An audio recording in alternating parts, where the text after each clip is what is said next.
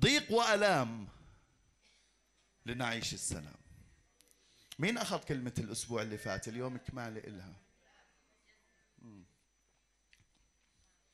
بدي أكمل اليوم فيها. حكيت إنه كل واحد فينا ممكن يمر بضيق ممكن يمر بتحدي ممكن يمر بظروف صعبة. حكيت حتى بتذكر إني حكيت قلت ممكن عشان بديش أعلن عليكم لكن هو حقيقة كل واحد فينا بمر بدون ممكن. وفي أسباب كثيرة للظروف الصعبة. لكن في واحدة من الأسباب واحدة مش كلهم عشان الله يستردنا ويسترجعنا حتى نعيش حياة المجد والسلام اللي إحنا معينين له تأكد تماما إنه أنت معين لحياة مجد وسلام. تأكد تماما إنه الدستني تبعك مش حياة عادية لكن حياة مجد وسلام. بليز إنك تتأكد من هذا الحكي. طلع على اللي بجنبك قول له تأكد. إذا اليوم أنت بتمر بضيق وألم أو ظروف صعبة خلينا اليوم بنعمة الرب ننهي هذا الموضوع. اليوم بدنا ننهي. اليوم بدنا نستقبل اليوم بدنا ندرك واليوم باسم يسوع إذا كان سبب الضيق والألم الأفكار اللي أنا بحكي فيها اليوم باسم يسوع نؤمن إنها تنتهي. خلينا نوقف مع بعض نقرأ هاي القراءة. من عبرانيين 12 من أربعة لثمانية.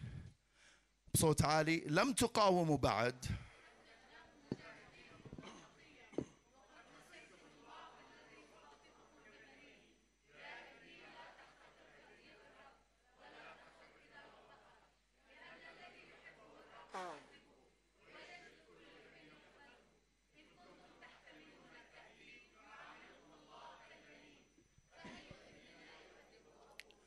ولكن إن كنتم بلا تأديب قد صار الجميع شركاء فيه فأنتم نغول. لا بنون تفضلوا ارتاحوا. يا رب بشكرك يا إله الحبيب من أجل كلمتك اللي بين إيدينا من أجل شعبك اللي إجا اليوم يا رب وقت مميز. نعبدك ونسبحك ونفرح فيك. شكرا يا رب من أجل وقت المائدة من أجل الصلوات من أجل الفرح يا إلهي اللي أعطيتنا إياه. شكرا يا رب من أجل شعبك اللي قلبه عليك وعلى خدمتك وعلى محبتك.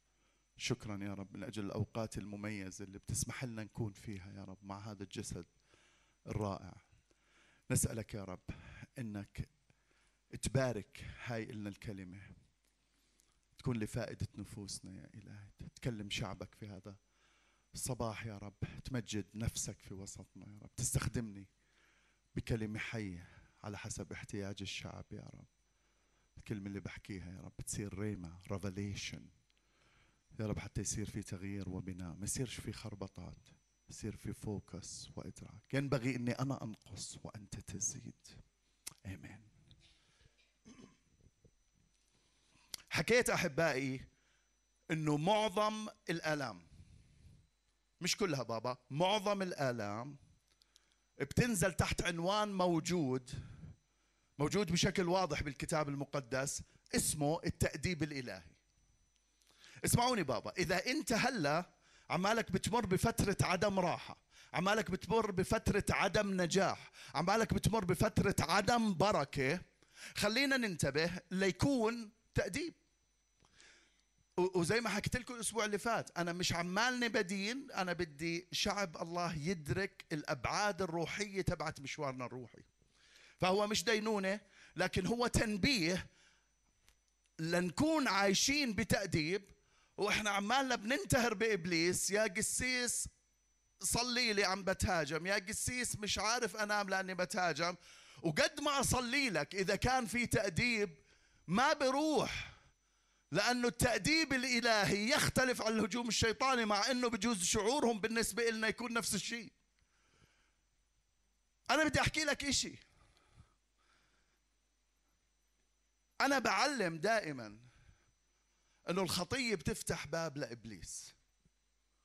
إذا بتطلعوا بتتابعوا لي وعظاتي من 15 سنة بتلاقوا أنه هيك أنا بحكي. خطية بتفتح باب لإبليس. أنا اليوم بتوب عن هذا التعليم. هذا التعليم غلط. هذا التعليم غلط مية بالمية. ما بعرف من وين أخذته ما بعرف كيف شكلته ما بعرف كيف انبنى براسي. الخطية ما بتفتح باب لإبليس. الخطية بتعمل تأديب من الله. إبليس مغلوب على عود الصليب وما له حق علينا. افهموني كويس. الهجومات الشيطانية اللي بتصير علينا لأنه هو نجس لأنه هو وسخ لأنه هو بهاجم. وإحنا بنصلي وبنحاربه في شيء اسمه حرب روحية أكيد في شيء اسمه حرب روحية. لكن فكرة إنه الخطية تفتح باب لإبليس خلينا نحطها على جنب. الخطية بتفتح باب للتأديب الإلهي. يا إحنا محميين بالمسيح يا إما إحنا مش محميين. عشان هيك أنا صار لي فترة بقول لكم الحرب الروحية مش إنه أطلع عن جهدي الحرب الروحية إني أنتهر وأمشي الحرب الروحية ان أكون أنا مميز إنه أنا منتصر بانتصار الرب يسوع. تعبت الكنيسة من كثر الحرب الروحية وهي مش هيك العملية. العملية إحنا معانا سلطان. حطيت إبليس تحتية وب... وبقيامتك غلبة قوية وأعطيت سلطانك لي هيك المرنم عماله بيحكي وهيك رنمنا. علشان هيك أنا حابب أقول له إنه مرات كثير إحنا إذا إذا الخطية بتعمل تأديب هلا الشعور بالنسبة لنا نفس الشيء كأنه هجوم شيطان لأنه عم نتبهدل؟ لكن إيش المشكلة هون؟ لما يكون هجوم شيطاني أنا بصلي صلاة واحدة بقول له بنتهرك باسم يسوع بتخيب. لكن إذا كان تأديب إلهي شو ممكن يروح؟ اولا عمالي بحارب غلط. لأنه التأديب الإلهي بده يكمل. يونان ظلوا قاعد ببطن الحوت ثلاثة أيام. ثلاثة أيام وهو قاعد ببطن الحوت.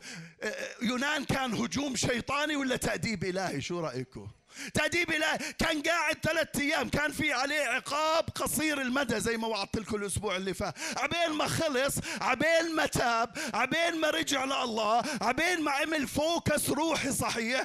أوكي ساعتها أمر الله الحوت أنه يقذفه على الشط. قبل هيك لو ظل يصلي حرب روحية للصبح. ما راح يزبط. عم تفهموا علي؟ عم تفهموا علي؟ خطية لا تفتح باب لإبليس الخطية تفتح باب للتأديب الإلهي. لكن مش دائما في تأديب حكيت لكم المرة اللي فاتت. عشان هيك المؤمنين سوري المؤمنين بتمادوا بالخطية. لأنه مش من من أولها شو اسمه؟ بصيرش إشي وبعدين بيرجع بيعمل كمان فيلم بصيرش إشي وبعمل كمان فيلم بصيرش إشي كل الأمور كويسة كل شيء تمام بتمادى. وبكون الله عم بتمهل علينا عشان يعطينا فرصة زي ابنه زي ابنه الواحد. عماله بعطيه فرصة إنه يصحح حاله بدون ما يبهدله. لكن مرات بضطر إنه يبهدله. التربية الحديثة بيقول لك خذ ابنك جوا وبهدله. مرات كثير الرب واخذنا جوا وببهدلنا لكن مرات بيضطر الأب إنه يبهدل أو الأم يبهدل ابنه قدام الناس. وكلنا بنقوم عليه بنقول له مش تربية حديثة. خليني أقول لك الرب ما بردش على التربية الحديثة لأنه مرات ببهدلنا قدام الناس. هلو؟ معلش تحملوني. آه التأديب مش إعلان غضب الله على المؤمنين. التأديب أكيد مش دينونة الله على المؤمنين. التأديب أكيد مش لعنة بوضعها الله على المؤمنين في حالة الخطية لكن التأديب هو إعلان المحبة الإلهية إلنا. التأديب هو إعلان أنه الله أبونا أبوية الله إلنا. التأديب هو رغبة الله القوية. قول القوية. القوية أنه يستردنا للمجد والسلام المعد إلنا. عشان هيك بصير في تأديب. ليش التأديب؟ ثلاث أفكار. قلت محبة البنين بقداسته مشتركين سلام يقين. كل هذا حكيته الأسبوع اللي فات. حكيت النقطة الأولى قلت محبة البنين أنه التأديب هو ثمر عدم رضا الله عن تصرفاتنا أو تصرفات معينة لكن هو برهان المحبة الأبوية. مكتوب زي ما قرينا اللي بحب الرب بأدبه ويجلد كل ابن يقبله.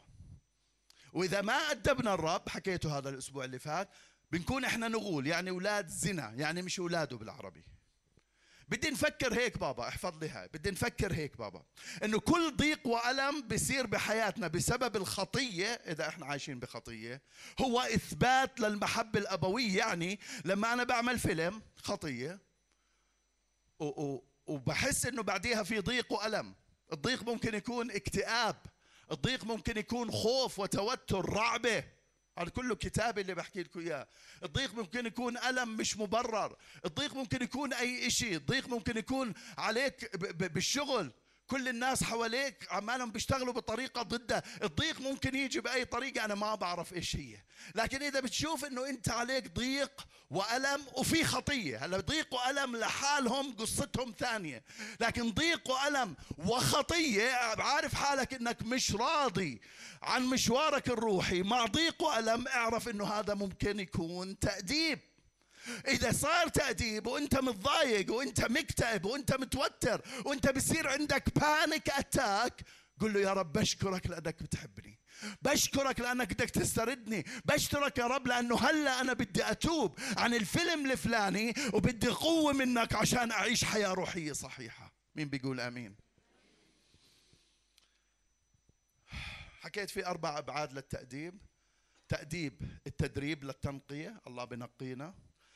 تأديب التوازن والحدود. الله بحط لنا حدود عشان ما نتكبر. تأديب العقاب قصير المدى لما بيصير الفيلم. والله قرر إنه يأدبنا. بعرفش القرارات تبعت الله على إيش مبنية ليش مرات أو مرات لا ما بعرف. بيكون قصير المدى. زي يونان ثلاثة أيام مشيت الأمور. خلص رجع وضعه طبيعي كل شيء تمام.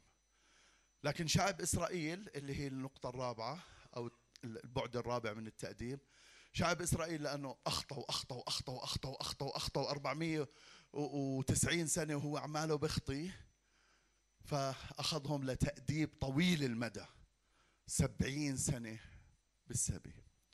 اليوم بدنا نكمل. ليش بصير التأديب؟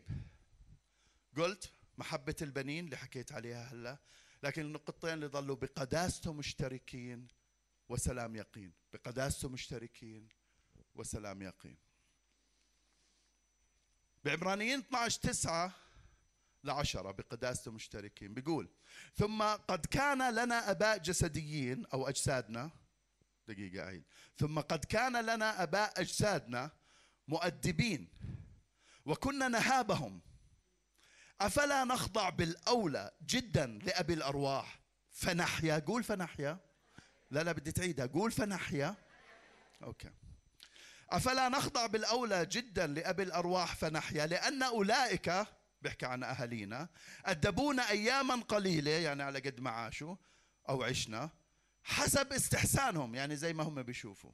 وأما هذا يعني الله فلأجل المنفعة في إلنا منفعة لكي نشترك في قداسته.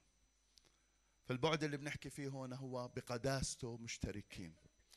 بهاي الآيات أحبائي بوضع كاتب الرسالة أمامنا بوضع لنا مقارنة بين الأب الأرضي والأب السماوي. وبأسس هاي المقارنة أحبائي على فكرة الخضوع ومهابة الله أثناء التأديب.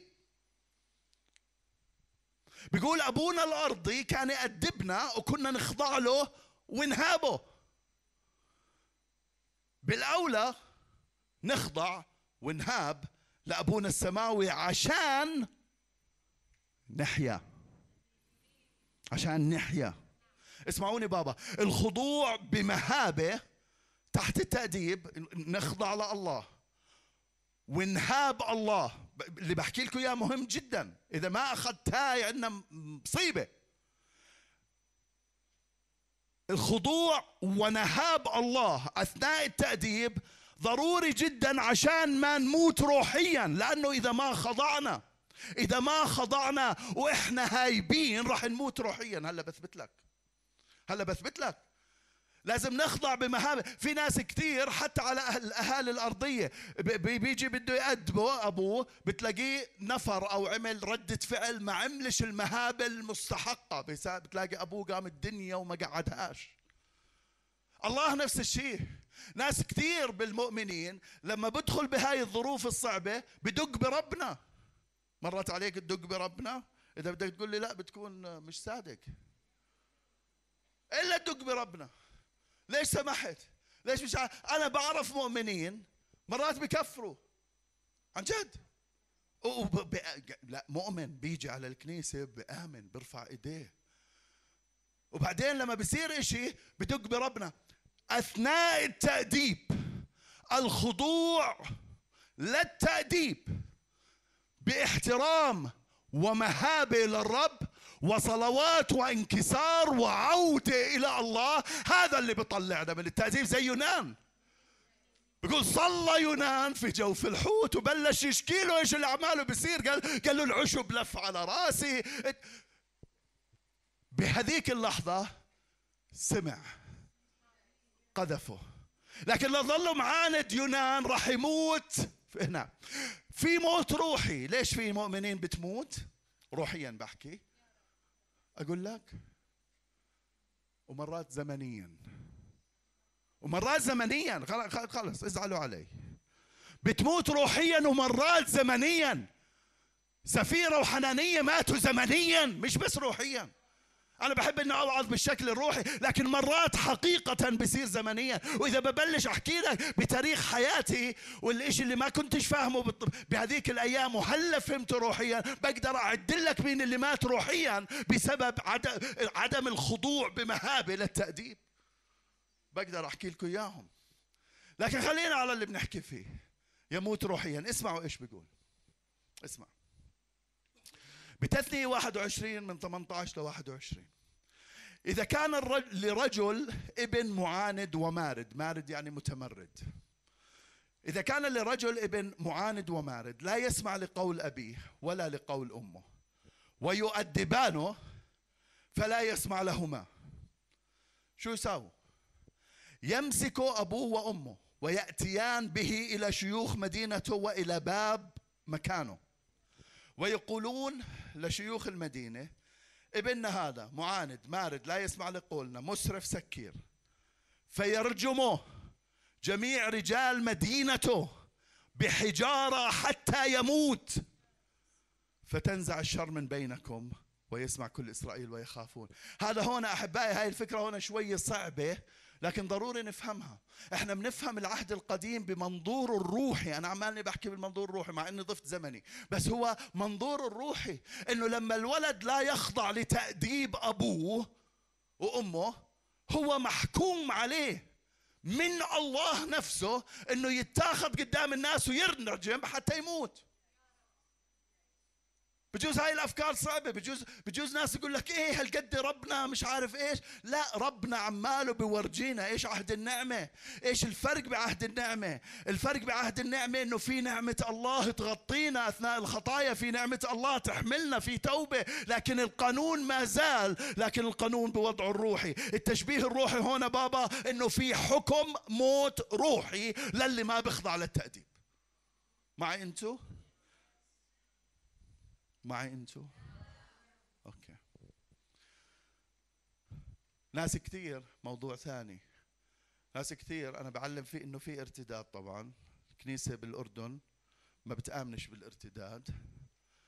بقول لك عيارك تخلصت خلص وكل الآيات هاي ما دخلهاش. مليون ألف آية ما دخلهاش. الموت الروحي هو الارتداد. الارتداد. الإيمان الخلاص بالإيمان والارتداد عن الخلاص بعدم الإيمان. لما أنا بقعد تحت التأديب وبآمنش وبرفس ممكن يصير بعدها ارتداد. ممكن جدا. بقولش إنه أكيد بس ممكن. معي أنتو؟ بخوف اللي بحكيه؟ بخوف. أظن إنه لازم نخاف. أظن إنه لازم نخاف. لو ما بنخاف نتأخر على الشغل بنروحش على الشغل. لو ما بنخاف نرسب بالجامعة بننجحش بالجامعة. لو ما بنخاف ننسى عيد ميلاد مرتي بتذكرهوش فالخوف كويس. واحد من الموتيفيشنز الروحية هو الخوف. هللويا بيقول عن الله بهاي الآية أنه أبي الأرواح يعني أبو كل البشر يعني اللي خلقنا على صورته أو خلق كل البشر على صورته واللي من حقه يأدب كل البشر. بيقول خضعنا لأهالينا وهبناهم بالأولى نخضع لأبي الأرواح يعني أبي كل البشر لأنه هو كمان من حقه أنه يأدب كل البشر. في اسمعوني بابا الله من حقه يأدبنا من حقه. مش شيء كثير يعني إنه يأدبنا يعني ما بصيرش ما نخضع للتأديب. ممنوع ما نخضع للتأديب بصيرش في موت روحي. الله أحبائي مثل أي أب صالح. أكيد. ما بنبسط ولا بفرح لما بيأدب أولاده. أكيد. لكن بيكون مضطر عشان مصلحتهم. بيكون مضطر عشان حياتهم. بيكون مضطر عشان مستقبلهم. عشان هيك بيقول بيقول آه، أما هذا عن الله فلأجل المنفعة لكي نشترك بقداسته في مصلحة عامة في منفعة في بنفت هاي البنفت أحبائي من التأديب هاي المنفعة اللي بتجينا من التأديب هي مش أقل من أنه نشترك في قداسته. نصبح فعلا وعمليا مقدسين. نعيش ونعكس طبيعته الإلهية اللي أخذناها بعمل الرب يسوع على الصليب. نشترك بقداسته نشترك بقداسته اسمعوني بابا. الله ما بيأدبنا لأنه بيفرح بألمنا أو إنه حابب إنه يسلب ال ال ال ال الراحة تبعتنا ولا الفرح تبعنا ولا المتعة تبعنا الله ما بيعمل هذا التأديب لأنه له المجد عنده مرض نفسي بتسلى فينا. الله ما أعطانا كل اللي أعطانا إياه بداية من أنه خلقنا على صورته لغاية اليوم به نحيا ونتحرك ونوجد. ما أعطاناش كل اللي أعطانا إياه علشان بعدين يندم عليه ويأخذه منا. مش هيك الله؟ في قصد أسمى والقصد الأسمى القصد الأعلى الهدف الأعلى تبع الله أنه نصبح مقدسين لدرجة نكون مشتركين في قداسته. حاولت أني أقعد هيك أفهم ما راح أعلمكم إياها لأني مش فاهمها بفهمها لقدام. حاولت إني أقعد أفهم شو يعني مشتركين بقداسته ما قدرتش أفهمها كنت بستنى عمال اعلان رجعت عندي بجوز عندي 25 كتاب تفسير ما قدر يساعدني. وبستنى إعلان من روح الله ما أخذته. بس بتخيل إشي كثير نشترك بقداسته إشي كثير إشي كبير. مشتركين بقداسته. مش بقال هو من أول بيقول كونوا قديسين لأني أنا قدوس وكل الأشياء اللي بنعرفها عن القداسة وعظناها لكن هون مختلفة. تبعت التأديب مختلفة. إنه نكون بشركة حية عملية نعكس طبيعته. مشتركين بقداسته ولسه في لها أعماق من هيك أنا مش فاهمه. معي أنتو؟ بالتقديس راح نشوفه. لأنه مكتوب بدون قداسة لن يرى أحد الله. وبالتقديس أحبائي راح نختبر مواعيده. اسمع إيش بيقول بكورنثوس. بيقول فإذ لنا هذه المواعيد أيها الأحباء لنطهر ذواتنا من كل دنس الجسد والروح مكملين القداسة في خوف الله يعني في مهابة الله. فإذ لنا هذه المواعيد سام بعيد قاعد. إذ لنا هذه المواعيد أيها الأحباء لنطهر ذواتنا من كل دنس الجسد والروح مكملين القداسة في خوف الله. بيقول عندك كل هاي المواعيد ومش رايح تأخذ هاي المواعيد إلا لما بتطهر حالك من كل دنس الجسد وبتكمل القداسه تبعتك. هيك معنى هاي الآية. بيقول بما إنه لنا هاي المواعيد طهر حالك عشان تأخذها. معي أنتو؟ حكيت لكم قبل هالمرة. إحنا بنعطل مواعيد الله. إحنا بنعطل مواعيد الله. ناس كثير قلت لكم قلت كان هاي الأفكار أنا بحب أعيدها. ناس كثير بنعطيه نبوة. قل له الرب بده يعمل 1 2 3 بحياتك. بيجي بعد سنة ونص بيقول لك القسيس حكى والرب حكى والرب كلمني وما شفتش إشي ما شفتش إشي لأنه في إشي. إذ لنا هذه المواعيد لنطهر حياتنا. في لك موعد بدك طهر الموعد لا اسمعني اسمعني. بدك بدك تزعل علي ازعل. بدك تقول هذا قول اللي بدك إياه. المواعيد لن تتحقق إلا بالقداسة. بس نقطه وسطر جديد بدك تضحك على حالك بدك تلف وتدور. بدك beating around the bush بدك تساوي اللي بدك إياه ساوي اللي بدك إياه. شعب إسرائيل ذل وقع على وجهه لليوم مشتت. يا جماعة ناس معاهم. موعد الله. الله نفسه يسير بوجهه أمامهم. عندهم موعد ما انسبقش لأي ناس في الدنيا. لليوم تايهين. للحظة هاي تايهين. مواعيد. إلك مواعيد؟ أكيد راح تأخذها. لكن مكملين القداسة بمخافة الله مكملين القداسة بمهابة الله مكملين القداسة وإحنا عمالنا بنتأدب إنه نكون خاضعين نقول له آه أنا هاي غلط أنا بدي أصححها بجوز مش قادر تصححها مش مهم هو بيساعدك تصححها بيقول بفيليب 2 13 بيقول الله العامل فيكم أن تريدوا أن تعملوا. إرادة ال- الإنسان بتضلها حرة لغاية ما تيجي أنت تقول له يا رب تعال تدخل بإرادتي ويقول لك يس I'm coming. الله العامل فيكم أن تريدوا أن تعملوا من أجل مسرته. بيجي على طول وببلش يعمل بالإرادة الحرة تبعتك لأنك أنت طلبت معونة فيها. أمين. طلع على بجنبك قول القسيس بوعظ حلو. ثانك يو هاليلويا Glory to God. كل وعد بالكتاب المقدس هو إلك لكن مبني على التقديس. إذا سمعت لصوت الرب إلهك. عشان هيك الله راح يصحح.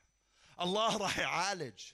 الله راح يأدب بأي بعد وكل بعد مناسب حتى يستردنا لحياة المجد والسلام تبعنا. أبانا الأرضيين بيقول أدبونا كم من سنة وإحنا أطفال وضعفاء. حسب استحسانهم. يقول زي ما بيفهموا زي ما بيعرفوا زي ما شافوا صح. لكن إلهنا مش زي ما شاف صح. إلهنا هو الصح. إلهنا كل شيء صح. العملية فيهاش آه ولا وممكن ومش ممكن وزي لا مية بالمية صح. برجع بقول أهالينا ربونا وإحنا ضعاف وإحنا صغار وإحنا مش فاهمين شو كانوا بيساووا. مرات نزعل عليهم. أكيد ما انبسطنا وهم بيأدبوا فينا أكيد مية بالمية. لكن الآن أنا شخصيا أنا بشكر أهلي. أنا عن جد بشكر أهلي. عملوه على حسب استحسانهم زي ما بيفهموا زي ما اللي شافوه منيح. لكن بشكر أهلي اليوم لأنه لولا هالشوي اللي أدبوني إياها ما بعرف شو بصير طبعا والرب كمل التأديب نشكر الرب هللويا هللويا في النظرة الروحية أهالينا بيأدبونا حسب استحسانهم؟ الله بيأدبنا عشان نشترك بقداسته. الله بيأدبونا وإحنا صغار. ولما بنكبر بنبطل نرد. بصير نرفس. بعرفش هاي الكلمة نرفس بجوز تضايق ناس بس هي كلمة كتابية. بجوز التطبيق تبعي مش كتابي بس هي كتابي قال أي شيء موجود بالكتاب بيكون كتابي. تمرد. تمرد أخف من برفس صح؟ قال لبولس صعب عليك أن ترفس مناخس عشان هيك بقول. آه، في النظرة الروحية بابا كل حياتنا على الأرض هي مرحلة طفولة. كل حياتنا على الأرض هي مرحلة ضعف. يعني الكبير واللي بعز قوته وبإيش مكان أكيد بيعرف قديش هو ضعيف أمام هاي الحياة. قد ما يكون فإذا في النظرة الروحية إحنا دائما رايحين نكون أطفال عبين ما نأخذ الجسد الممجد أوكي؟ ومرات كثير إحنا مش فاهمين إيش اللي بيصير بالضبط. لكن أنا متأكد أنه كل ما بنكبر بالإيمان وبننضج راح نفهم قديش كان مهم تأديب الله إلنا إذا مرينا في تأديب. لأنه بدونه ممكن بسهولة أنه انحرفنا ما تقدسنا ولا شفنا مواعيد الله ولا شفنا الله بحياتنا أبدا. بدون التأديب مستحيل نكون نوصل للي لازم نوصله. معي أنتم صح؟ تأديب الله مش عقاب على الخطية. رب يسوع حمل عقاب الخطية. لكن التأديب عشان التقديس من الخطية. وخليني أقول لك أحبائي افهمها هيك. زي ما الخطية كلفت الرب يسوع أنه يتألم عشان يحملها الخطية راح تكلفك أنك تتألم عشان تتقدس منها. إحنا مش أحسن من الرب يسوع. إذا الرب يسوع عشان يشيلها ويحملها عنا شوفوا الألام اللي مر فيه. إحنا عشان نشيلها عن حالنا راح نمر بألام. هذا هو التدريب. إذا الله سمح إنه تأديب أو عقاب الخطية يجي على ابنه الوحيد أوكي علشان يحمل عنا الخطية إحنا عشان نتقدس من هاي الخطية في إلنا تأديب في الم عشان نصير أحسن عشان نكمل. داود حكيت لكم الأسبوع اللي فات عن داود. داود زنى. داود قتل جوزها للمرأة وتجوزها وحبلت منه. والله أدبه. داود صار رجل أفضل بعد التأديب. هدف الله تم بحياته. رجع بقوة لله إذا بتقرأ مزمور 51 داود كتب عدة مزامير توبة. بعد هذا الحدث عدة مزامير. مش عارفهم بالضبط قديش لأنهم بخشوا ببعض بالنسبة إلي بدها دراسة لاهوت. بس إنه عدة مزامير لكن اللي إحنا مشهورين فيه اللي بنعرفه مزمور 51 مزمور 51 كلياته بورجي قديش هو انكسر أمام الله بسبب هاي الخطية. وبعدين بيجي بيحكي بالعدد 16 بيقول لأنك لا تسر بذبيحة وإلا كنت أقدمها بمحرقة لا ترضى. ذبائح الله روح منكسرة القلب المنكسر والمنسحق لا تحتقره. هذا ملك عنده ذبائح قد ما بده. الافات كان وهو بيجيب بتابوت العهد الافات من الذبائح قدم. الله ما بده ذبيحة الله ما بده نرفع إيدينا الله ما بده. طبعا بده كل هذا لكن الله مش هذا اللي بدور عليه بحالة الخطية بدور على نفس تخضع له وتنكسر أمامه وتخضع له بمهابة. هذا اللي بدور عليه. بيقول بهاي الحالة بيقول هاي بهاي الحالة القلب المنكسر والمنسحق ما راح تحتقره. لكن ذبيحة بحتقرها وكل الذبائح بحتقرها وأي شيء بقول له داود لو بعرف إيش بدك أنا بقدم لك إياه لكن بعرف إنه ما بدك غير هذا القلب إنه ينكسر أمامه. داود أصبح رجل أفضل. تأديب خلى داود يتوب. بدون التأديب كان داود مش فارقة عنده. تودى له هذا بهدله. خليني أقول لك بابا إذا إحنا في ضيق في ألم في أوجاع في مشاكل عدم بركة مواعيد واقفة. افحص حالك اسأل الرب. ليكون في تأديب. إذا اكتشفت إنه تأديب بروح منكسرة أقبل التأديب. بخضوع اقبل بفرح اقبل. بفرح اقبل إنك أنت حي. لنحيا. لنحيا. أدبونا لنحيا. أنت حي. حي الله ما غسل ايده منا في مرات كثير إبليس بيضحك علينا كيف إبليس بيقدر يهاجمنا ليش في حرب روحية؟ لأنه بيضحك علينا بأفكارنا. بيجي بيقول الله غسل ايده منك. الله ابدا طول حياتك لن يغسل ايده منك. مش راح يغسل ايده منك. أنت حي. انت حي الله بده إياك تشترك بقداسته وتشوفه وتشوف مواعيده. حياة داود تقدست بالكامل بعد هذا التأديب. تمت المواعيد تبعته وإجا الرب يسوع المسيح إجا من نسله. هلو وهيك بالضبط راح يعمل معك. هيك بالضبط راح يعمل معك. الوعد اللي إلك والمسيح اللي إلك وكل شيء إلك راح يجي منك ومن نسلك باسم يسوع المسيح. آمين يا شعب الله. فاذا بقداسته مشتركين. الفكرة الثانية سلام يقين. عبرانيين 12 11 ل 13 ولكن كل تأديب في الحاضر لا يرى إنه للفرح بل للحزن. وأما أخيرا فيعطي الذين يتدربون به ثمر بر للسلام. لذلك قوموا الأيادي المسترخية والركب المخلعة.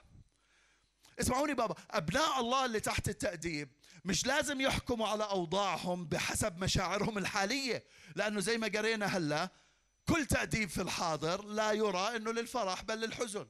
يعني يعني ما تشوفش مشاعرك الحالية وتحكم على الوضع.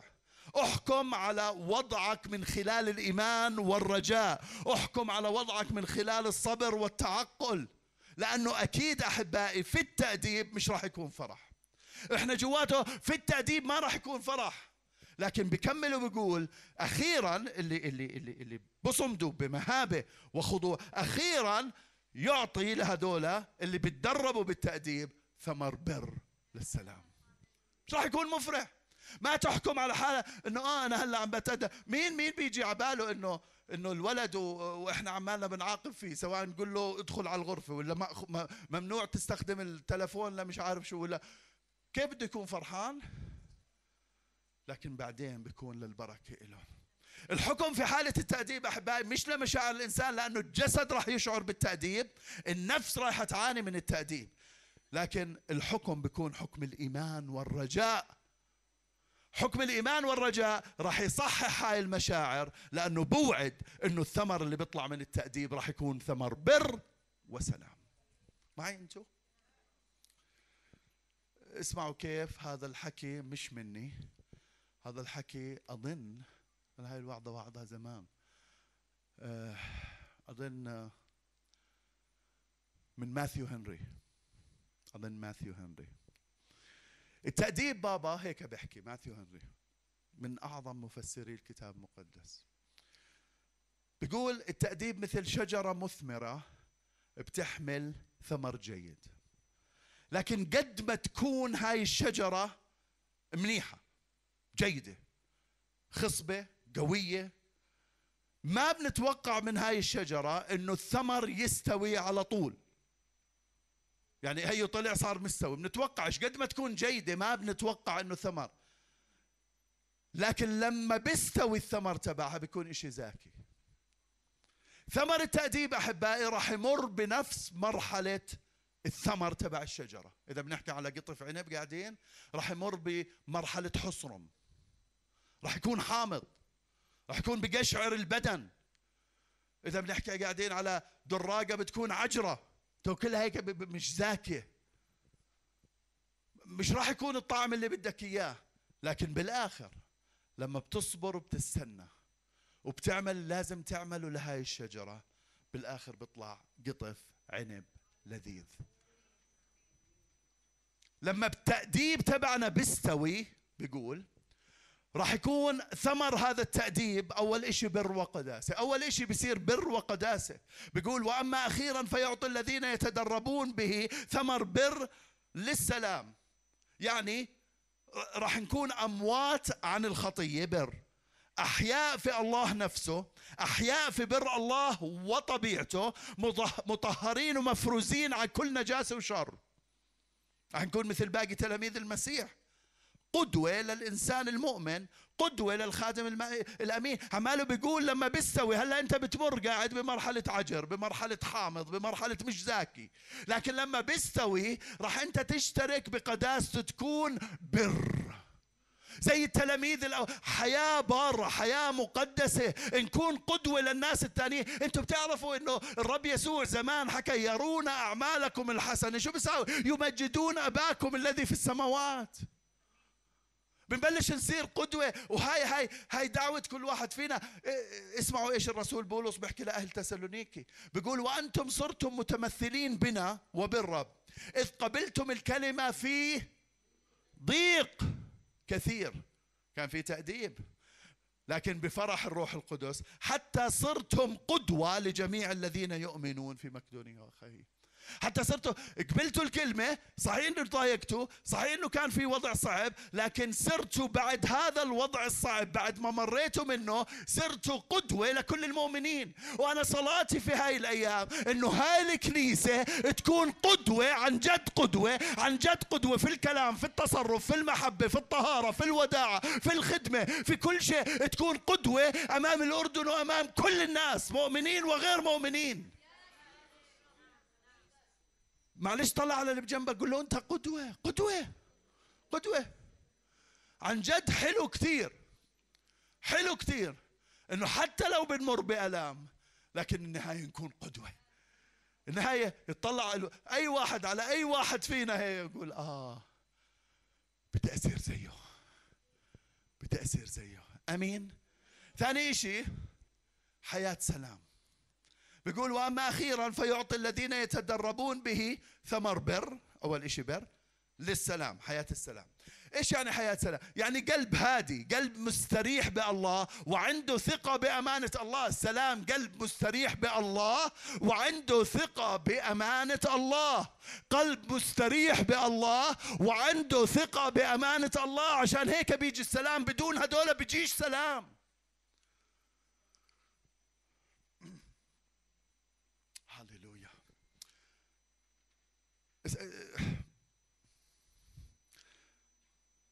في مؤمنين كثير أنا زمان تبت عن كثير بس مرات بضطر أستخدمها. أعيد. في بعض المؤمنين بيعانوا من قلة السلام بحياتهم. وبالرغم من إنه الرب يسوع اللي بيتبعوه بيآمنوا فيه وبيعبدوه ومكرسين كل حياتهم له اسمه رئيس السلام. ووعد يعطينا سلام لكن تلاقي بعض المؤمنين مش عمالهم بيعيشوا السلام اللي بنحكي فيه أو اللي أعطاه الرب يسوع. أنا حابب أقترح شيء ممكن عايشين بعدم سلام لأنه لما بنمر بضيق وألم لما بنمر بمشاكل وظروف بدل ما نفحص حالنا ونفهم إيش اللي عماله بصير بلكنه تأديب. بصير عندنا مرارة. بصير عندنا عتب. نعتب على الرب. نفتر يجي على الكنيسة زهقانين. طالع روحنا. مش عارفين شو. وبدال ما إني أقعد أقول له يا رب اللي بيصير معي الليجل ممنوع. مش لازم يصير. كلمتك بتقول هاي كلمتك كلمتك بتقول كذا. وأنا وضعي بيقول مش هذا اللي بتحكيه كلمتك. أنا مش زعلان عليك أنا بدي أفهم. أنا مش عتبان أنا بدي أفهم. أنا ما بدي أتمرمر أنا بدي أفهم إيش اللي عماله بيصير داود لما اجى عنده ناثان رمى حاله الكتاب المقدس بيقول رمى حاله على الأرض جوا أسبوع كامل ما رضيش يأكل ولا يشرب. طبعا هو فاهم خطيته. تفهمها من مزمور 51 لكن كان عماله بيحاول. اجى بانكسار اجى بخضوع. مرات أحبائي أنا بقترح بقترح إنه نعطي فرصة لثمر التأديب يطلع سلام بحياتنا بدون مرار بدون عتب على الله. مرات كثير المؤمنين أحبائي بضلوا حصرم بضلوا عجر.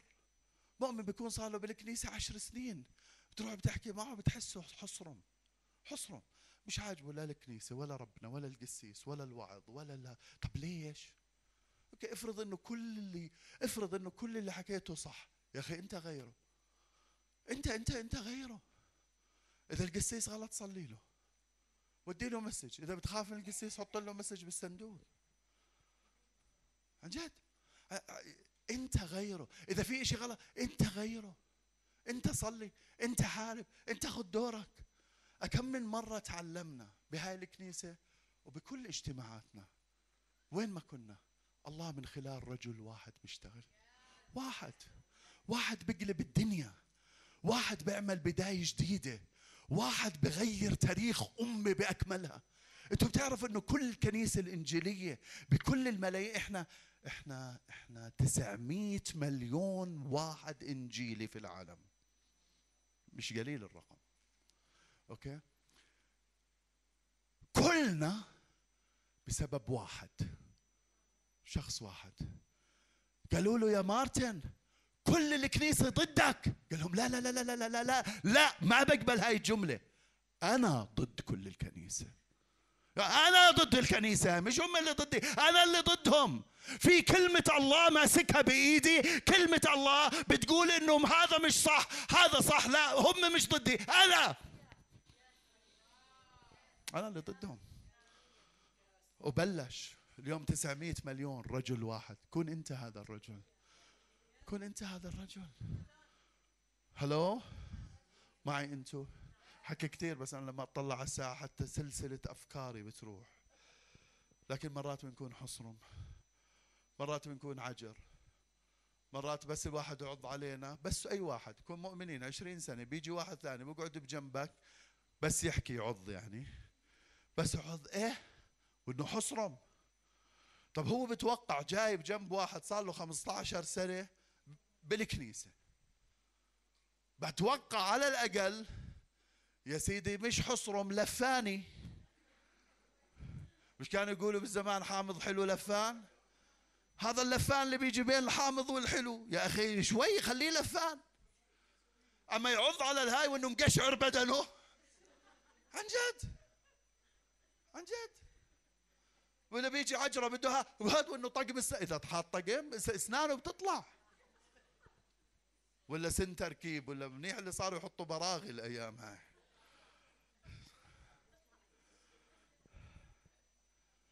بس النتيجة مش بس هيك. نتيجة إحنا الحصرم باسم يسوع ما يكونش ولا واحد فينا حصرم. لكن إحنا الحصرم إحنا عايشين بعدم سلام. عشان هيك بنوصل عدم سلام. عشان هيك لما بقعد واحد وصل عدم سلام. صوتك لازم يكون فيه سلام. حركتك لازم تكون فيها سلام. مشيتك لازم يكون فيها سلام. تعرفوا اليوم دخلت مستعجل. بدهم يسلموا علي كل الناس اللي بيسلموا علي. قلت لهم بليز لا تعطلنيش. متأخر. ما تعطلنيش. لما اجيتوا أنا ما بحب أمشي بسرعة. بحس إني عملت عاصفة. المشية لازم تكون فيها سلام. لازم يكونوا اللي حواليك وانت ماشي يحسوا بالسلام. حسيت اليوم أنا مريت عنك. كان الوضع مش صح. صح كان؟ لا جد جد كان كان سريع. كان سريع. بسرعة سلم هذا بسرعة. سلموش على معجوق كل شيء لازم يكون فيه سلام. المؤمن بيطلع سلام.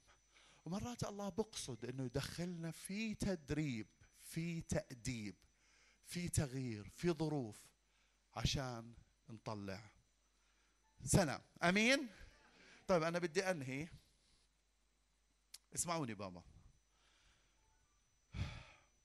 ما في مؤمن قبل التأديب ما انتفع من التأديب. أكيد في منفعة وفي مرحلة النضوج راح يقول بشكرك يا رب إنك أدبتني ورجعتني ولا ما بعرف شو كان صار فيه كاتب مزمور 119 قال هيك قال خير لي أني تذللت. ذليت. لكي أتعلم فرائضك. قطف العنب اللي استوى قطفك أنت. راح تستمتع بحلاوته وزكاوته كل أيام حياتك. مش راح يكون في حصرم مريت من مرحلة التأديب قبلت مرحلة التأديب طلعت منها مريت من الحصرم ومريت من لها وصار قطف عنب مستوي. هذا قطف العنب المستوي راح تستمتع بثمره باقي حياتك. لأنك اختبرت من خلال هذا التأديب أنه كل الأشياء تعمل معا للخير للذين حتى لو أنا داخل بفترة صعبة حتى لو أنا متضايق ماليا ونفسيا وعاطفيا وفكريا لكن بالرغم من هذا كلياته أنا اكتشفت أني هلأ عايش بسلام عايش ببر عايش بقداسة. عم بشوف مواعيد الله عم بستلذ بالمشوار الروحي. عماله عندي حماس بالمشوار الروحي. عماله عندي قوة بالرب بالمشوار. عماله يكون عندي إيمان ورجاء بالمشوار عشان هيك مستلذ أنا بالمشوار الروحي. اسمعوني بابا. راح أنهي بهاي.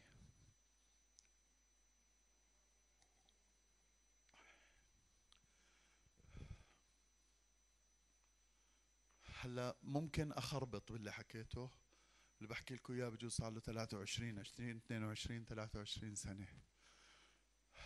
مع إنه بيقولوا إنه اللي بيحكي الصح دائما بتذكر بس بس توصل 57 هاي القاعدة بتتغير. تحكي صح تحكي غلط مر عليك ما مرش بنتسى كل شيء بنتسى. لكن أنا لما إجيت للإيمان أنا بدي أحكي عن اختباري بالتأديب. أنا اليوم واقف هون ثمر تأديب سنة التسعة وتسعين. أو الألفين بالتحديد الألفين. لا التسعة وتسعين بآخرها.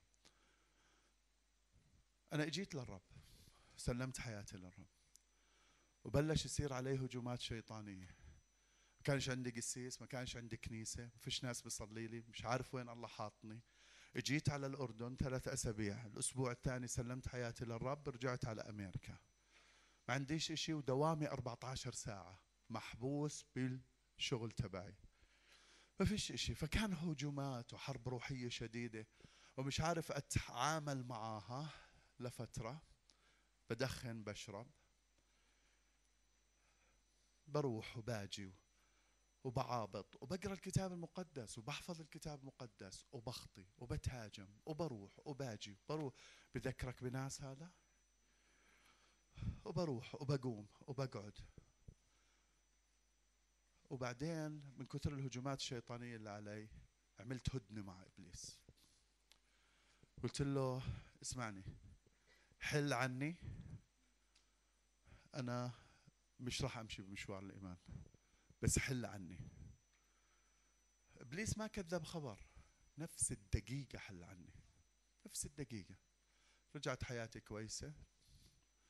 وعادي ماشي. بقرأ الكتاب المقدس. مش منكر الله. بروحش على كنيسة بعملش أي إشي. روحي. آه، وهدنة مع إبليس. كنت بدخن. فظليتني أدخن. كنت أشرب.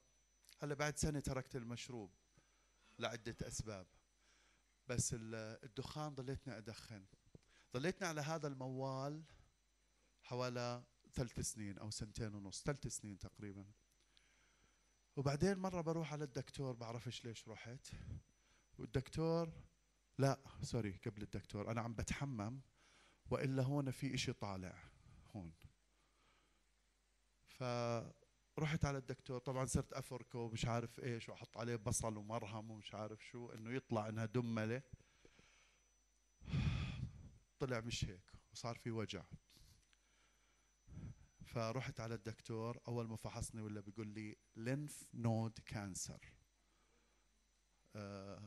سرطان بالغدد اللمفاوية. قلت له معقول هيك؟ طبعا لما حكى لي أنا ما بنساه هذا المنظر هذا واحد من, من الأشياء اللي بتخوفني لما بفكر بهاي الأشياء قبل ما أحاربها. أه بس حكى لي هيك أنا واقف وقعت على التخت إجري ما حملتني. أخوي كان ميت آه معناته بال2000 أخوي كان ميت بال cancer قبل أسبوعين أو ثلاثة أو شهر. بهاي ال cancer. وإحنا عمالنا بنحارب بالكانسر صار لنا فترة. فأنا وقعت. أخذوا خزعة مني. طلعت الخزعة هيك موجودة عندي. أجسام غريبة ولازم نستأصلها. وبعدين آه طبعا انخبطت. أجسام غريبة لازم نستأصلها. مش عارف شو بدي أساوي. أخوي اللي أصغر مني اللي هو هلأ كمان قسيس آه كان بروح على كنيسة هو وباتي. فقلت له خذني على القسيس تبعكم فسحبت حالي ورحنا عند القسيس. قعدنا عنده بالبيت. قال لي بتآمن إنه الله بشفيك. طبعا أنا ميت من الخوف. قلت له آه بآمن. صلى لي. روحت. ثاني يوم عندي عملية. طول الليل وأنا بتباطح أنا والله. هل أنا بآمن أو ما بآمن؟ واكتشفت إني مش مآمن. اكتشفت إنه لا مش مش مزبوط مش مآمن رحت بس أنا بعمل بروسيجر لكن هلا بدي أآمن. هلا بدي أوثق فيك يا الله. هلا بدي أشفى. هلا أنا بعيد حياتي إلى. هلا أنا بكرس حياتي إلى. هلا أنا بس أعطيني هاي الفرصة. حاجة حكيت للرب هذيك الليلة أعطيني بس هاي الفرصة وأنا بورجيك. رحت على العملية ثاني يوم. تعرف العمليات. بدخل واحد وإنه طالع لأنه بيكون مخدر. خوف ومش عارف إيش وكل القصص أنا بخاف. بديش أوقف قدامك واقول لك جبار. أنا بخاف. خايف. ما فيش إشي. صحيت من العملية. ولا بيقولوا لي مبروك. طلع كيس عمل. أنا بابا بأمريكا أمريكا أظن إنهم بيعرفوا بالخزعة. الفرق بين كيس العمل والإشي الثاني. أكيد أكيد أكيد بيعرفوا. لكن الله عمل عجيبة بهذاك الليلة. لما قلت له آه بآمن أعطيني هاي الفرصة يا رب.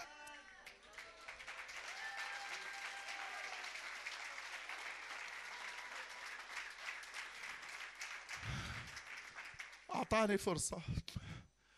لكن هذا نوع من ال من ال الإشي بيقدروش يخيطوه. العمل قديش اللي نزل أنت بتتذكر؟ نص كيلو عمل. فالعمل واصل لهون. الجرح اللي جرحوه جرحوه تحت الأباط هون لهلا موجود من هون لهون مفتوح. فما بيقدروا يخيطوه لأنه العمل لازم يتنشف تنشيف لحاله ينشف. فصاروا يحطوا لي الشاشه هاي جوز آه جوز اسمها المربعة. يحطوا لي إياها لجوا لهون. عمل يلزق عليها. وبعدين لازم تتغير مرتين بالنهار. مرتي طبعا مختبرات مرتي فهي اللي كانت تتغير لي. كيف كان يصير فيا؟ روحي تطلع من محلها. صياح بس يلم هون اثريته في شروش. هذول بعدين درستهم بأيام ما كنتش دارسهم. هون في شروش بتوزع على كل الدنيا فبس تلمسه بالهيكة. يضرب زي البرق نص ظهري مع مخي من هنا كل يوم مرتين ألم لا يصدق لمدة شهر. أنا مرتاح بالبيت. الألم هي الفترة أكثر آه بس الألم شهر. وأنا مرتاح بالبيت وبصلي. تركت الدخان وأنا بالألم. وبلشت دخلت على الكنيسة. خلال بعديها تاخذوش الأوقات بالضبط. شهر زمان كان عندنا اجتماع بالبيت. تسعة أشهر كان في عندنا كنيسة والكنيسة اليوم عمرها 19 سنة بشيكاغو. أخوي عماله برعاها. ثمر البدايات هاي اللي عمالي بحكي لكم إياها.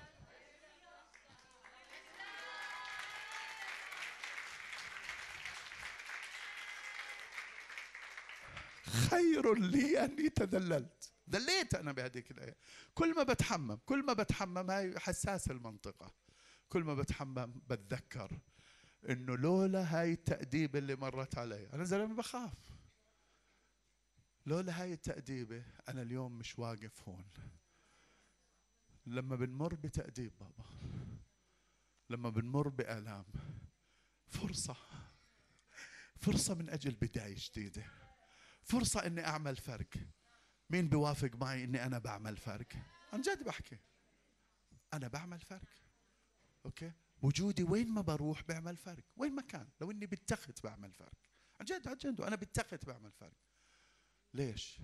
لأنه قبلت مرحلة من حياتي والله كمل اللي بده يعمله بحياتي. أعطيته مجال يعمل اللي بده إياه. شو رأيكم أعطيه مجال؟ شو رأيكم أعطيه مجال؟ إيش مكان الوضع اليوم؟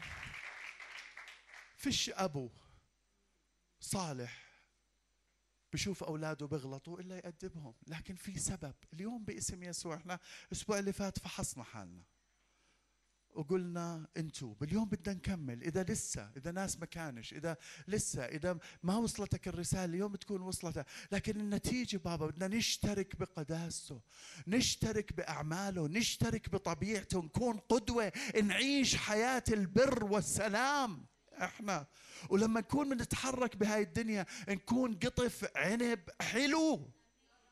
كل واحد طلع عليه هيك تعرف هاي لما بتطلع على الدالي هيك بتلاقي القطف أشقر. أنا صلاتي إنه كلنا نكون هيك شقر الواحد بس, بس امين يا شعب الله امين خلينا نحن رؤوسنا بالصلاه Oh, hallelujah, hallelujah, hallelujah. Glory to God, glory to God, glory to God, glory to God. Oh, we bless your name, Father God. Oh, we bless your name.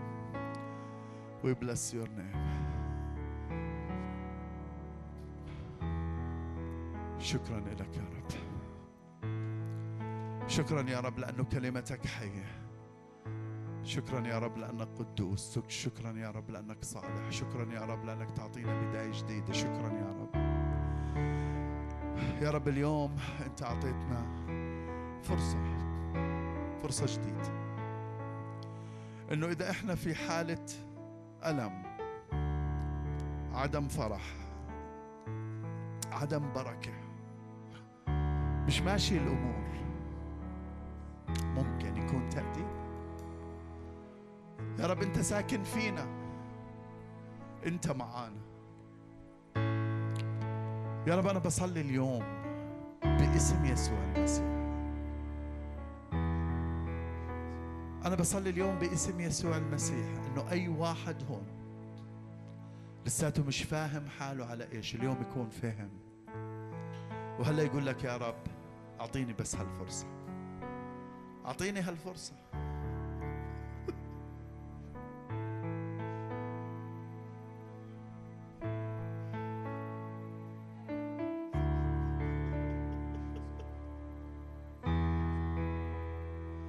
قل له أعطيني يا رب هاي الفرصة. I wanna make a difference. بدي أعمل فرق. بدي أعمل فرق. أعطيني بداية جديدة يا رب. وقف وقف وقف. بجوز يصير معك زي ما صار معي. بعديها أشهر من الألم. لكن شهر ماسك بعضه كان ألم شديد. بعديها بلش يخف الألم.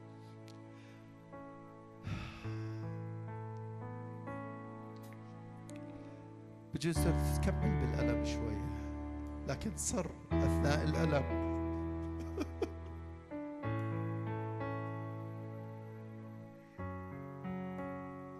صر أثناء الألم. أنا بدي فرصة يا رب أنا بدي فرصة يا رب.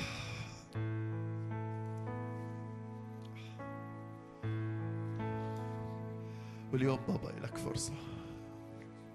اليوم لك فرصة عشان تبلش تعيش حياة البر والسلام مواعيد الله تيجي إلك. تشوف الله تشوف المواعيد تشوف البركة. تشوف تسديد الاحتياج تشوف الأشياء اللي فعلا إحنا آمنا فيها وكرسنا حياتنا من أجلها. بلش تشوفها اليوم. قل له يا رب أنا قابل أنا بخضع بمهابة. شكرا لأني حي. شكرا لأنك تعطيني الآن بداية جديدة. بر وسلام.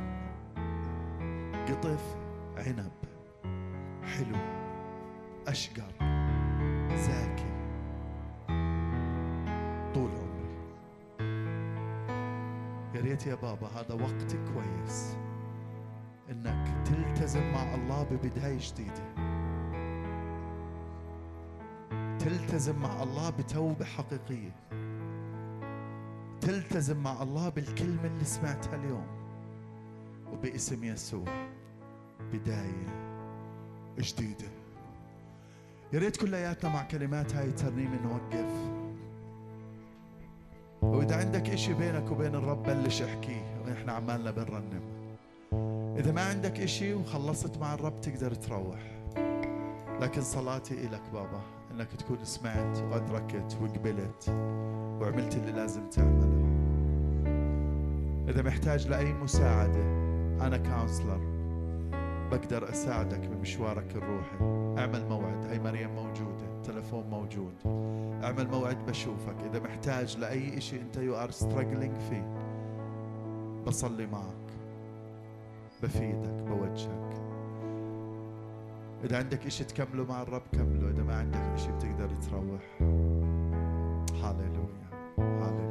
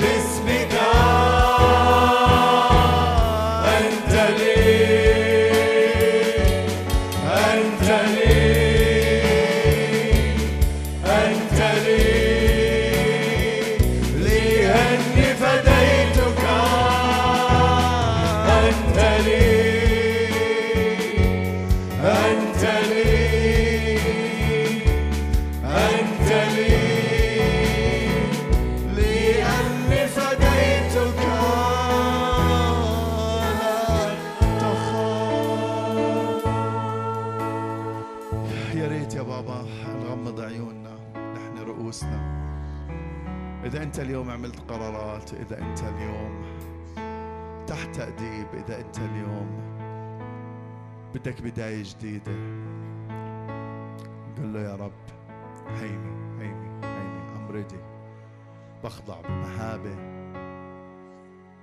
بخضع بخشوع بانكسار. مبسوط وفرحان لأني حي. مبسوط وفرحان لأني ابن. مبسوط وفرحان لأني مش نغول. ابنك اللي بتخاف علي بنتك اللي بتخاف علي بتحبني عشان هيك ما تركتني خير لي أني تذللت لكي أحفظ باسم يسوع المسيح يكون اليوم بداية جديدة. يا ريت يا بابا يا ريت يا بابا إذا حابب تعمل إشي خاص بينك وبين الرب. أنا أكيد مش رح أصلي مع ناس. لكن بنحب نقدم لقدام وكمان اليوم كسرنا خبز اللي عنده احتياجات. وحاب إنه نصلي من أجله اليوم. يا ريت إنك تتقدم إلى الأمام. قدم إلى الأمام.